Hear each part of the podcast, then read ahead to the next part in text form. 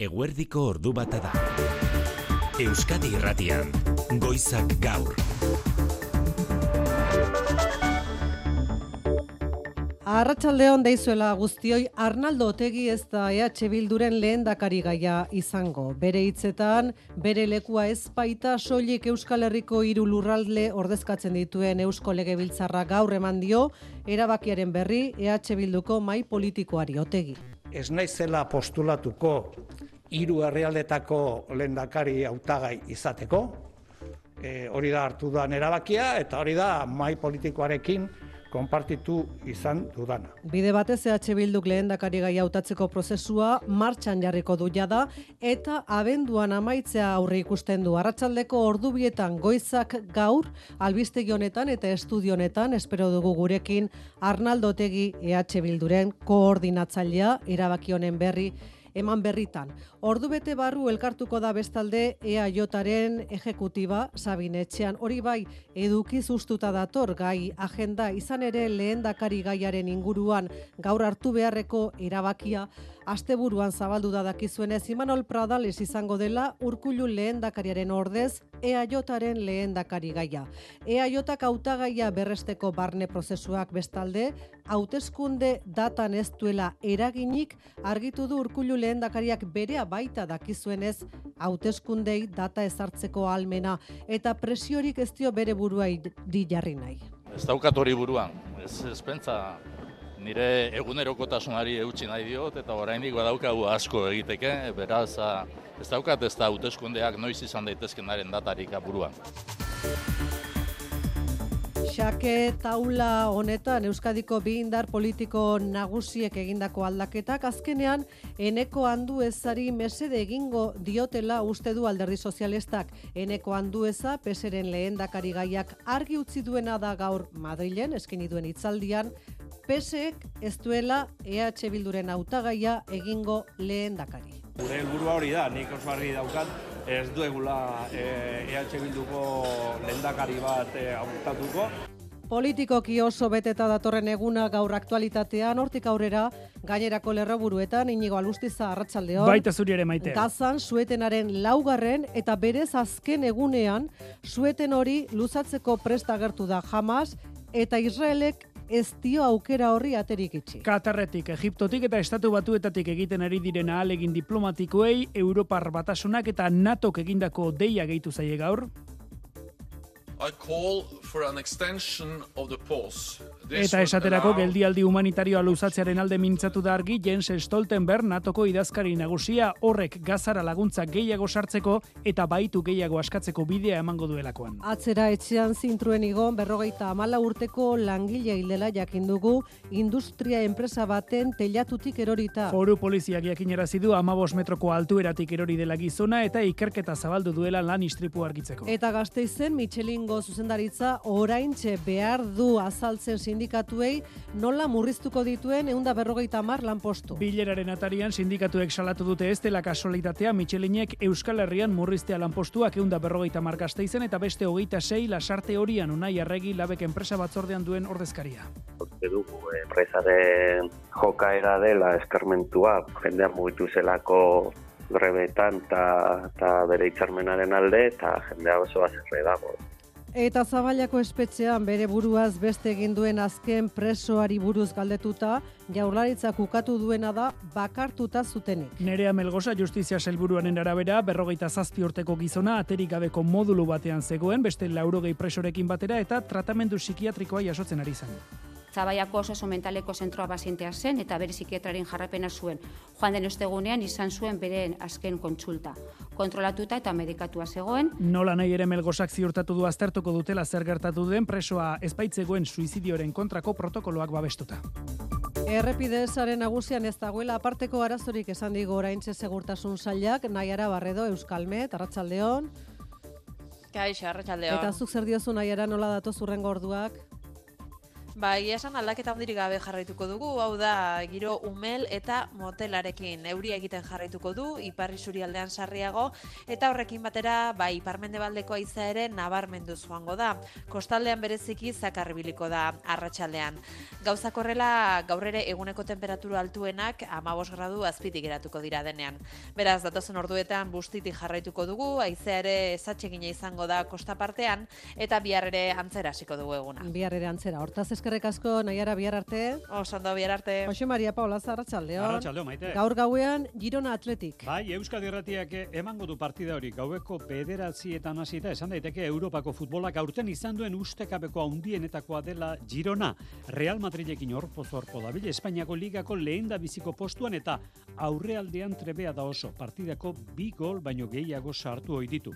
Aste barruko partia bakarra ez dugu, esate baterako etzi, txapeldunen ligako partida izango dugulako berriz ere Euskal Herrian, gaueko bederatzietan jokatuko dute Donostian, Realak eta Salzburgek, eta Europako saskibaloi ere izango dugu datorren ostiralean Euroligako Valentzia Baskonia. Eta kulturan, Manu sortu Bilboko udalaren Bilbao Arte Fundazioak erakusketa areto berria zabaldu du. Uri bitarte berrogei, izena du Bilbo Arte Fundazioaren erakusketa areto berriak uri bitarte kaleko berrogei garren zenbakian eta Guggenheim Museotik gertu.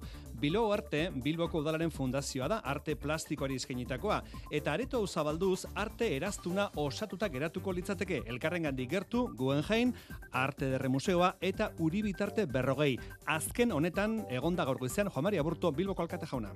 Uri bitarte berrogeia. Neuri iritzean baintzat zelako espazioa. Londresen dagoela esango balidate, ba sinetsuko nuke. Zeireon piezako bilduma bat daukagu. Nazioarteko museo honenetan egon zitekeen bilduma bat. Uri bitarte berrogeiak erantzun egiten dio Bilbok duela hiru hamarkada egindako etorkizuneko apostuari. Uri bitarte berrogei, areto berria zabaltzeaz gain, tradizio modernoa izeneko erakusketa zabaldu dute Bilbao Arte Fundazioaren hogeita bosturteko ibilbidearen errepaso egiten duena zentrotik igaro diren maite artelanen bitartez. Ordu bata eta zazpi dira leire karrera eta mirari egurtza teknikan eta errealizazioa. Euskadi Irratian, Goizak Gaur. Maite Artola. Despisterako adierazpenen bat edo beste izan dira, baina nahiko argi zirudien Arnaldo Otegi EH Bilduko koordinatzaile nagusiak erabakita zuela etzela izango bera EH Bilduko lehendakari gaia urrengo legebiltzarreko hauteskundeetan. Goizean EH Bilduren mai politikoa bildu du, jakinarazi dio erabakia, bere lekua ezpaita bere hitzetan soilik hiru lurralde historiko ordezkatzen dituen legebiltzarra. Itzalean, alderdian, gaur egun duen karguan, ekarpen haundiago egin dezakelakoan dago Arnaldo Otegi bere adirazpenak entzun ditu igotzalkortak.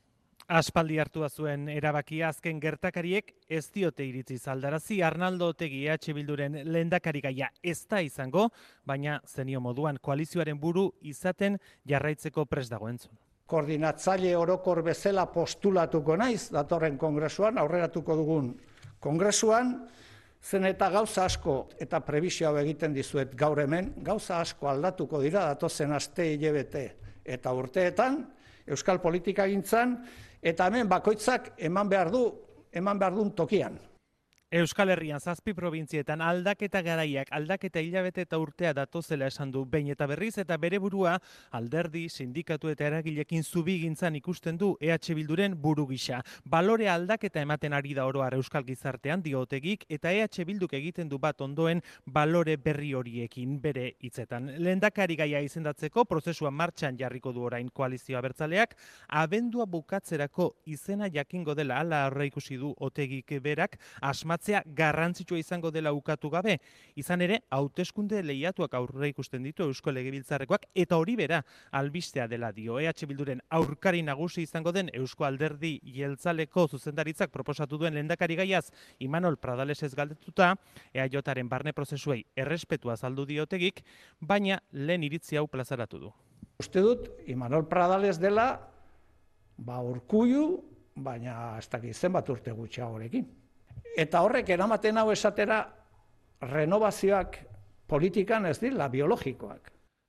ideia aldaketak dira politikan garrantzitsuak eta Eusko Alderdi jeltzalean lehengo lepotik burua hala ikusten du Pradalesen izendapenarekin Arnaldo Tegik EH Bilduko koordinatzaile nagusi bai, baina lehendakari gai izango ezten Arnaldo Tegik. Ordu bietan esandakoa goiza gaur albistegi honetan espero dugu otegi zuzenean. Euskadi buru batzarrak berriz, ba ordu bete eskas barru, ordu bietan hasiko duera berean, lehendakari gai aukeratzeko behartzuen bilera, dakizuenez ez ustean asteburuan argitu dira ordea galdera ikurrak eta hortaz gaurko bilera edukiz ustuta dator. Pentsatzekoa da EAJak behin hautagai aukeratuta dataren ingurukoa ere izango dela urrengo eztabaida. Hori jada ez dago EAJaren zuzendaritzaren esku, hori Urkullu lehendakariaren almena da eta gaur urtzigartzia Urkulluk berriz esan du ez duela erabaki hartu oraindik. Bai, horra da maite. Momentu hemen Sabinetxean mugimendu gutxi astelenerako ohiko astelenerako ohiko zuzendaritza batzarra da lehendakaritzarako edota hauteskunde Europarretarako hautagaitzen prozesua beraz ez da eztabaidatuko lehendakari gaiaren azuk esan bezala joan dela erun batean egin zuen urgentziaz prozesua orduan ireki zen eta urtarrilaren hogeira arte iraungo du. Edo ere segurotzat jo daiteke azken irurogeita amabi orduetako gerterak mai gainen egongo direla, eta pentsatzekoa da ere bai legibiltzarreroko hauteskunden balizko data ere itzeingo dutela. Bain zuzen, gaur goizean EH euren egitaldi baten atarian eta kazetarion galderei erantzunez inigo urkullu lehendakariak esan du, gaur gaurkoz ez duela hauteskunden datarik buruan legealdia normaltasunez bukatu aurretik zereginak dituela bere gobernuak. Hainbat lege onartu behar dituela eta geratzen dena ba, ba, horixe Pedro Sánchezen investidurari begira EAJak eta PSOEk ba izartutako aipatu dut hause garrantzitsua da. Beharrezkoa da Espainiako gobernuak bere hitza bete dezan. Azken batean hori delako akordioa Eusko Alderdi Jeltzalea eta Alderdi Sozialistaren artean adostutakoa. Hau da, Gernikako estatutua betetzeko falta diren transferentzien eskualdatzeari dagokinez, hiru hilabetenen buruan, hiru hilabetenen buruan eskuduntzak Euskadin nahi ditu, hiru eskuduntza, trenbide sariari dagokiona, unibertsitate tituluen konbalidazioarena eta e, estatuko harrera sistemaren lan edo lehen faseari dagokiona. Ezer erabakitzerako beraz, hiru hilabete pasako direla iradoki du lehendakariak eta bere burua lehendakari gisa aurkeztuko ote duen galdetuta, hau erantzuna. Ni Ez. Eta Imanol Pradalesek militantzia jeltzalearen babes osoa izango duen itxaropena azaldu du esan bezala inigo urkullu lehendakariak. Ba, EAJak eta EH Bilduk egindako hautagai aldaketa hauek alderdi sozialistaren mesederako izango direla legebiltzarreko hauteskundeetan uste du Patxi López, kongresuan pesoeren bozera maleak, sorpresa eneko handu ezak emango duela sinistuta. Europa Forumek antolatuta Madrilen itzaldi eskaini du peseren idazkari nagusiak handuezak, bera da, lehendakari gai sozialista dakizuenez, handuezak nahi luke irugarren lehendakari sozialista izan, eta argi duena alderdi sozialistak ez duela lehendakari egingo EH Bilduko hautagaia Madrid Lizaro Baza. Arratzalde hori da, irugarren lendakari sozialista izan nahi dueneko handuezak, hauteskundeak irabastera da torpezezeko hautagaia, gidoia aldatu nahi du EAJ eta bilduren ereduen aurrean, pesoeren Euskadiko proiektua gaien du. Alde batetik, eh, dakagu EAJaren proiektua oso agortuta dagoen eredu bat. Gero, beste proiektua dakagu EH bildurena, proiektu eh, guztiz independentista eta horren aurrean gure eredua. Eredu baikorra, esperantzaz betetako eredua eta logikoki ba, Euskadira begiratzen duen, Europari begiratzen duen proiektu bat, bai. Proiektu aurrerakoia esan du Espainiako gobernuarekin elkarrana bultzatuko duena, talka eta alde bakartasunari atea itziz, behar izan sozialak lehen planoan jarri nahi ditu, lurralde eztabaida bigarren maila batean utziz. Eaiotako lendakari gaiari buruz, ez du iritzirik eman nahi izan PSS-eko idazkari nagusiak, baina bilduri buruz, irmoa izan da handu esaren erantzuna, bilduko hautagaiik ez du lendakari egingo eta ez du esker abertzalearekin koalizio gobernurik eratuko. Ez dakit, akaso berai galdetu beharko litzaieke, haber gurekin prez dagozen lendakari sozialista bat e, izateko, ez da? Gure helburua hori da, nik oso argi daukat, ez duegula e, EH Bilduko lendakari bat e, aurtatuko. Irunen Jose Antonio Santanoren alkate lekukoa norkartuko duen oraindik ez dakiela dira zituan duezak, erabakia irungo elkarte sozialistaren esku baitago. Ba, azken orduko ez ustereorik ezpada, Kristina Labordak hartuko du, irungo udalean Jose Ignacio Santanoren lekukoa, gaur arratsaldean ezoiko bilere egingo du udalak, eta han utziko du kargua Santanok, Espainiako gobernuko garraio idezkeri izendatu ostean. Gaur arratsaldean egingo du ezoiko udal batza, irungo udalak, eta amarreguneko epea zabalduko dute orain, alkate berria izendatu, eta udal batza osatzeko zinegotzia aukeratzeko, epe horretan Miguel Angel Paez, egungo alkate ordea izango da behin irungo alkate, baina Kristina Laborda jotzen dute kinila gehienek, Irunen Jose, Jose Ignacio Santanoren ordezko izateko, Donostia mila bederatzireun da laurogeian jaioa, laurogeita emeretzitik da, irungo udalean zinegotzi laborda, egun bigarren alkate orde da, eta izendapena berretxiko balitz, bere alitzateke irunen lehen biziko alkate emakumezkoa. Eneko handueza buruzagi sozialistak eh, esan duen bestea gaur eh, Madrilen txalotu egin du EH Bilduk ezezko botoa ematea hezkuntzako lege berriari, naiz eta EH Bilduk ez duen oraindik era bat finkatu zein izango den oinarri helaraziko dien boto proposamena. Dena den ez da inolako gerturatzerik izan jeltzale eta sozialistekin eta legebiltzarrean azken tramitetan sartuta dago hezkuntza lege berria. Axunarozen arratsaldeon Arratsaldeon bai ala da azken tramiteak betetzen ari dira legebiltzarrean gaur goizean ateak itxita egin du hezkuntza lan taldeak azken bilera bilera oso motza izan da batipat tramitezkoa. Zertarako ba legearen azken testua ofizialki aste azkenean elkartuko den hezkuntza batzordera helarazteko orduan bai bozkatuko dute alderdi politikoek azken testua. Eta hain zuzen ere gaurko bilera hori atzeratu delako Donostian EH Bilduren mai politikoak jarraitzen du ordu honetan azken dokumentu hori aztertzen oinarriek izan dezaten bihar arratsaleko zazpiak arte telematikoki botoa emateko aukera. Aurre ikusita dagoena da ezezkoa izango dela, albiste ezin hobea esan dueneko handueza buruzagi sozialistak Euskadik izan dezakeen albisterik onena esan du. EH Bilduk eraikuntza nazionala egin nahi legearekin eta sozialistek esan duenez lortu dutelako eredu hori albo batera ustea. Ordu bata eta amasei minutu dira Zabailako espetxean asteburuan hilda agertu den presoa tratamentu psikiatrikoa jasotzen ari zen, baina jaularitzak onartu duenez etzegoen suizidioaren aurkako protokoloak babestuta. Era berean baztertu egin du jaularitzak presoa bakartuta zutenik. Salaketa elkarteak aurrez adirazi duen bezala Marijo de Kontrolpean eta medikazioarekin zegoen Zabaian hilden azken presoa errespetuzkoa deitzen duten modulu batean. Alegia beste larogei pertsona presorekin batera aterik gabeko modulu batean. Olakoetan errezeledo gortinak dituzte ziegek intimitatea zaintzeko, baina esan bezala aterik ez. Modu horretan jaurlaritzak ukatu egin du presoa bakartuta zegoela salak eta elkarteak salatu bezala. Nerea Melgoza justizia zailburuak azaldu du gainera, ostegunean bertan bere buruaz beste egin baino egun bilenago izan zuela psikiatrarekin azken koltsulta hildako presoak. Zabaiako osaso mentaleko zentroa bazientea zen eta bere psikiatraren jarrapena zuen. Joan den ostegunean izan zuen beren azken kontsulta. Kontrolatuta eta medikatua zegoen eta orain dela gutz eguneratutako protokoloari jarraituz bilerak egokiak dira eta deitu ginien berarekin eta bueno, zoritzarrez gertatuko aztertzeko. Berrogeita saspi urte zituen presoak eta zapatu iluntzean aurkitu zuten hilda urkatuta, jaularitzak gertatutakoa ikertzen ari dela adierazi du helburuak izan ere balioan jarri du suizidioari aurre egiteko abiarazitako protokoloa presoak ere ahalduntzen saiatzen dena, arrisku horretan egon daitezkeen kideak identifikatzeko eta elkarlanean aritzeko. Bere buruaz beste egin zuen presoak ordea ez zuen protokolo horretan parte hartzen. Genero indarkeri lotutako ustezko azken krimena, Polizia Nazionala gizonezko bat atxilotu du, Bart Gauerdian Madrilen izan da, hogeita bost urteko bikotekide hoia, eta bost urteko alaba labankada ziltzea leporatuta honintza segurola. Emakumea biogen polizia sisteman erregistratuta zegoen eta arrisku handiko kasutzat jota babes neurri handiak izan zituen. Baina duela bi hilabete babes neurri hori guztiak kendu zizkion poliziak haren ustezko erasotzailea bikotekide oia tratutxar prozedura batean absolbitu ondoren. Atxilotuak hogeita sei urte ditu eta osasun langileek etxean hartatu dute lepoan arma zuriz egindako zauriekin. 12 de oktubre ospitalera eraman dute larri ustez bikotekide senide oia eta alaba erasotu ondoren bere burua hiltzen saiatu delako. Neskatoak labankada zauriek zituen lepoan eta emakumeak berriz gorputzeko hainbat ataletan zituen zauriak Madrilgo larrialdi zerbitzuak adierazi dutenez. Emakumearen gorpua garajean aurkitu dute eta neskatoarena eta zauritutako gizona berriz etxe barruan. Gertakariek goizaldean gertatu da Madrilgo Karabantxela auzoan eta Polizia Nazionala ustezko krimen matxista gisa ikertzen ari da.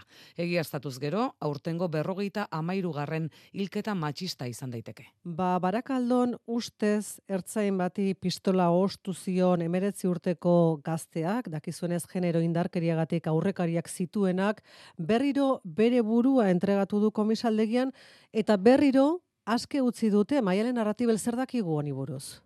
Arratsaldeon ba epaitegietako iturriek jakinarazi berri digutenez, pasaden ostiralean deitu zuen deklaratzera Barakaldoko instrukzio epaiak eta gaur goizean pasada bertatik epaitegitik bere borondatez abokatuarekin batera joan da eta fiskaltzak ez duenez aurkeztu behin behinan espetxeratzeko eskaririk ba, epaiak aske utzi du, e, beti ere amabostean behin epaitegietara joateko baldintzarekin. Iturri judizialek jakinarazi digutenez, ez omen dago e, nahikoa frogarik haren espetxeratzea agintzeko, eta beraz, esan bezala, aske utzi du epaiak emeretzi urteko gaztea. Eskerrik asko maialen, gaueko aizialdiari lotuta bestalde asteburuan Bilbon eta Atarrabian izan diren erasoak argitzeko ikerketak zabalik jarraitzen du. Atarrabian Dali izeneko dantzalekuko atezainak koma egoeran jarraitzen du eta gertakari horrekin zerikusia dutelakoan bi persona atxilutu ditu foru zaingoak. Bilbon berriz,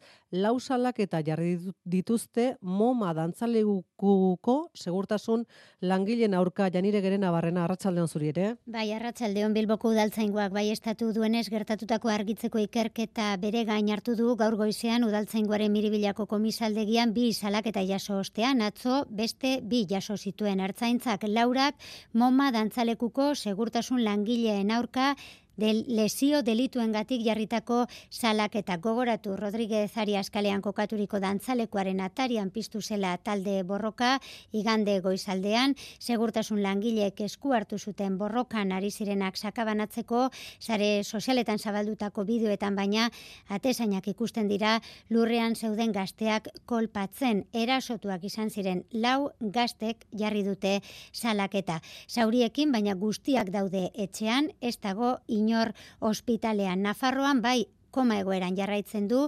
Atarrabiako Dali dantzalekuko atesainak honek ere borrokan ari zen talde baten gana gerturatu eta bitartekari lanak egiten alegindu zenean jaso zuen ukabilkada lurrera erori eta buruan kolpea hartuta larri eraman zuten erietxera foru zaingoak bi pertsona atxilotu ditu uste eskolpea emateagatik bata eta polizia aurrean oldartzeagatik bestea atxilotuek bihar deklaratuko dute epailaren aurrean.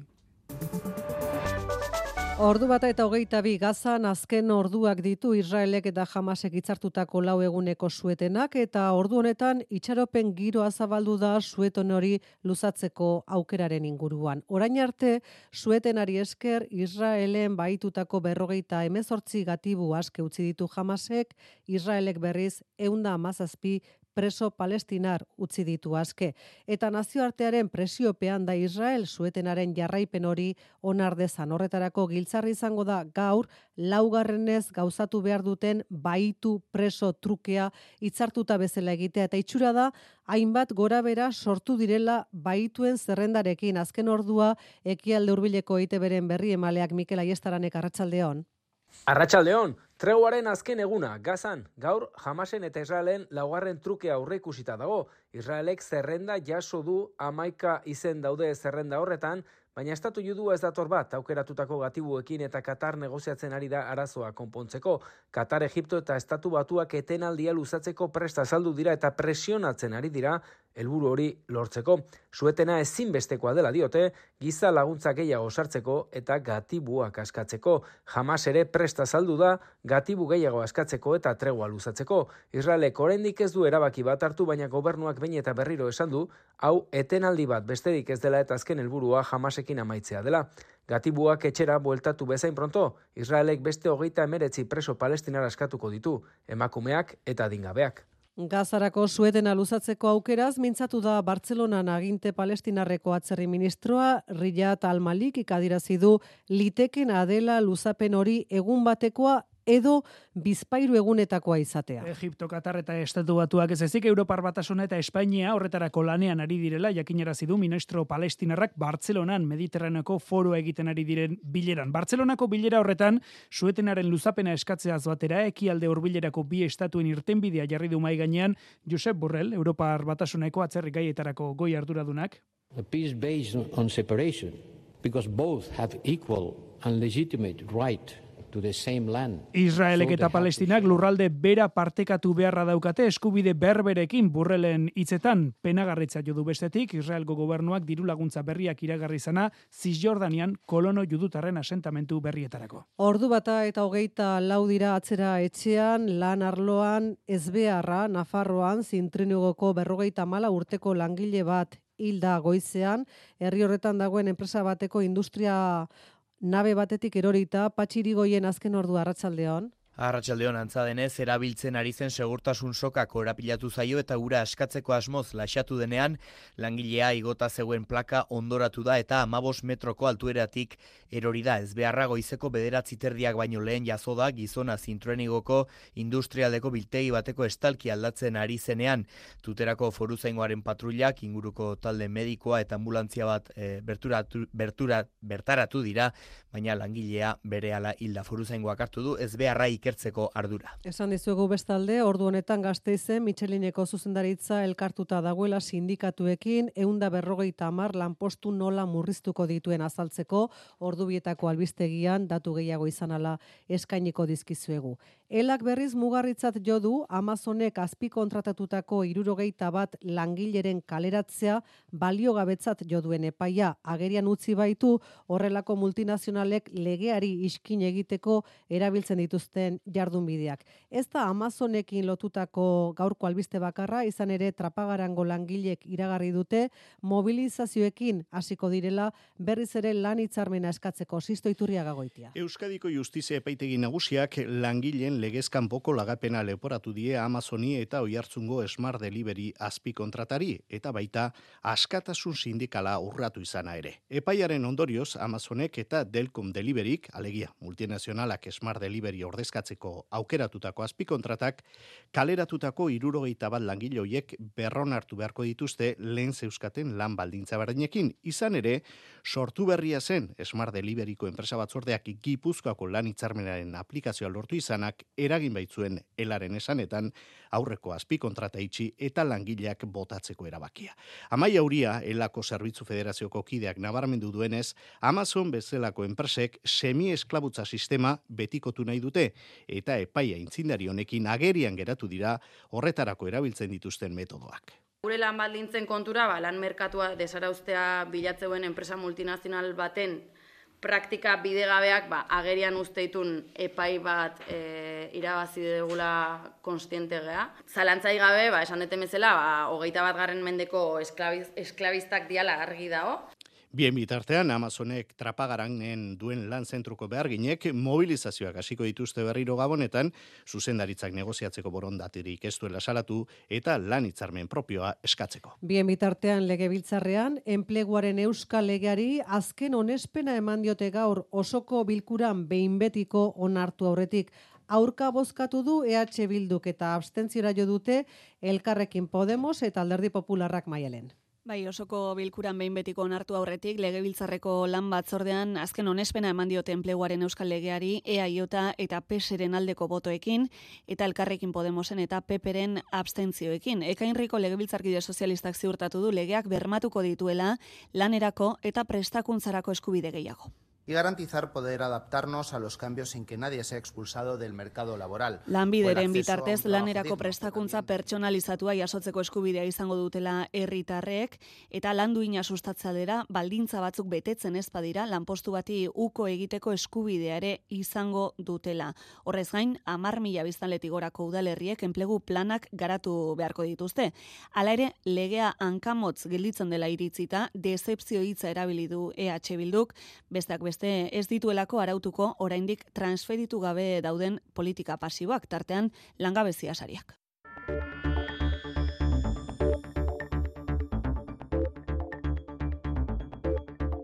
Eta gertuen geratzen den informazio horri begira Iruñan udalak urtean 5000 de inguru jasotzen ditu hirian agertzen diren gabezien berri emateko Iritarren dei hoietako gehienak eremu berdeetan dauden arazoak edo garbiketa kexangatik izaten dira. Bada gaur, udalak Iruña Brigada izeneko talde aurkeztu du eta bere egiteko izango da iritarrek komunikatzen dituzten arazoei aste bakar batean jada konponbidea ematea. Ez Aitor Perez, Arratsaldeon? Bai, arratsaldeon maite iritarren gandik eltzen diren kexa edo abisuei bataz beste hiru astetan ematen zaie erantzunak gaur egun erantzuna ematea kordea ez du esan nahi arazoak konpontzen denik horregatik Kristina Ibarrolalkateak garrantzi berezia emana izan dio gaur Iruña brigadari se van a resolver en el plazo de una semana. Se reduce Alkatearen hitzetan erantzuna ematea zarago amabos bat lagunek osatuko duten talde honek arazoa astebeteko epean konponduko duela dio lehentasuna segurtasunari lotutakoak esaterako jende asko pasatzen den gune batean lurrean izan daiteken zuloren bat, apurtutako baldosak, argiteriali, argiteriari lotutakoak ere bere ala erantzutea da asmoa eta hildo beretik kaletako garbiketari dagozkionak. Arratsaleko ordu bat aterdietara iritsi gara.